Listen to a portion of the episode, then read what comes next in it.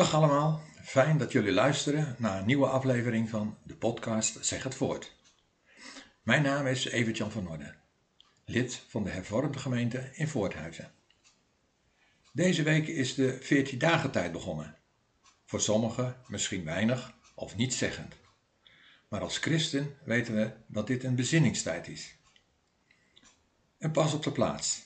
Elke dag even stilstaan wat er met Jezus gebeurd is op weg naar Pasen. Dat Jezus voor ons is gekruisigd, gestorven en begraven, maar ook weer opgestaan uit de dood en een nieuw leven geeft voor een ieder die in Hem gelooft. Maar hebben we daar 40 dagen voorbereiding voor nodig? Kan dat niet in een week? Nou, denk eens aan iets heel belangrijks of iets ergs moois dat in het verschiet ligt.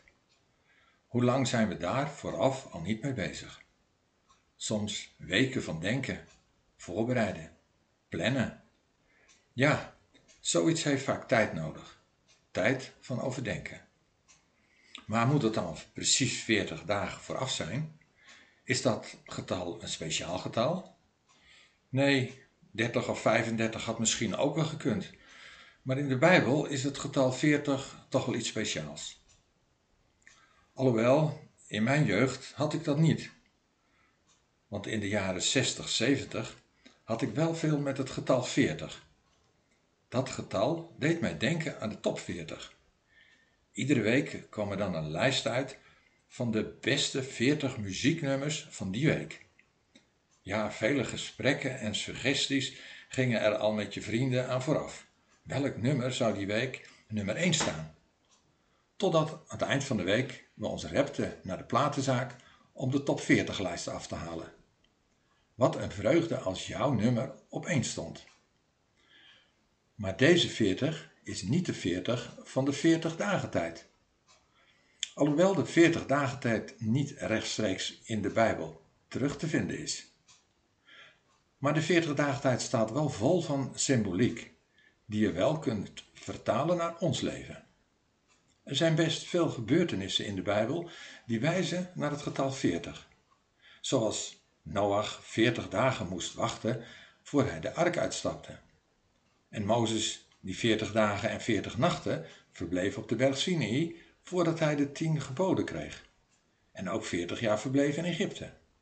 En Elia, die zwierf 40 dagen in diezelfde omgeving en ontmoette toen God. En het volk Israël reisde ook 14 dagen door de woestijn. De reus Goliath, die daagde de Israëlieten 40 dagen uit. En Jona zegt de inwoners van Nineveh aan dat God over 40 dagen de stad zal verwoesten. En wat denk je van Jezus? Die trok zich 14 dagen terug in een woestijn waar hij worstelt met zijn roeping. En zo zijn er echt nog vele andere voorbeelden te vinden in de Bijbel omtrent het getal 40.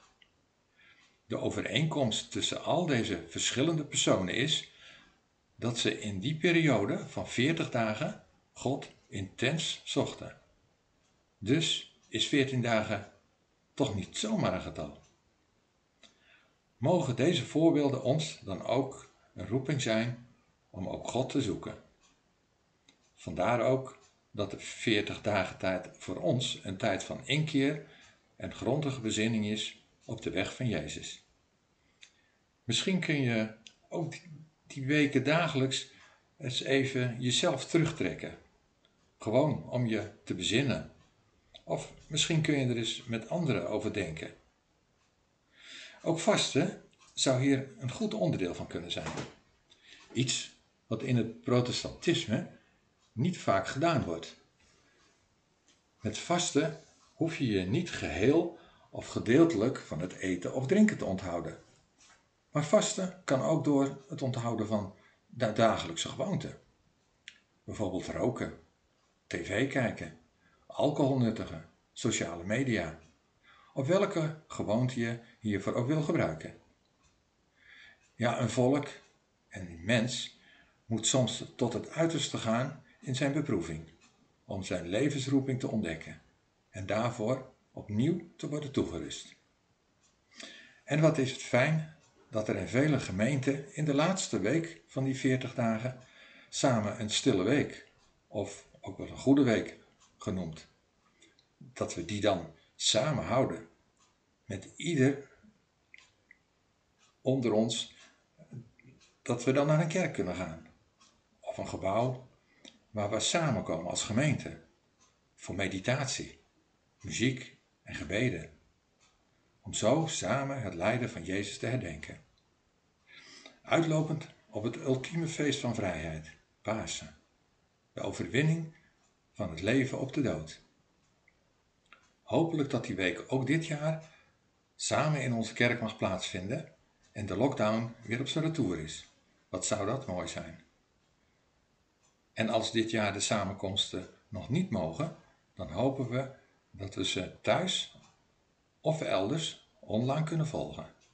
De geest doorbreekt alle grenzen en God is niet gebonden aan tijd en plaats.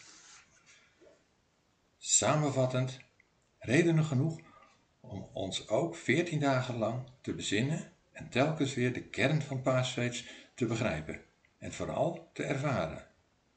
Als we het delen met elkaar en delen in het lijden van Christus, dan is er de belofte van de opstanding. Niet misschien, maar zeker weten. Van hier wil ik jullie allemaal een gezegende 40 dagen toewensen.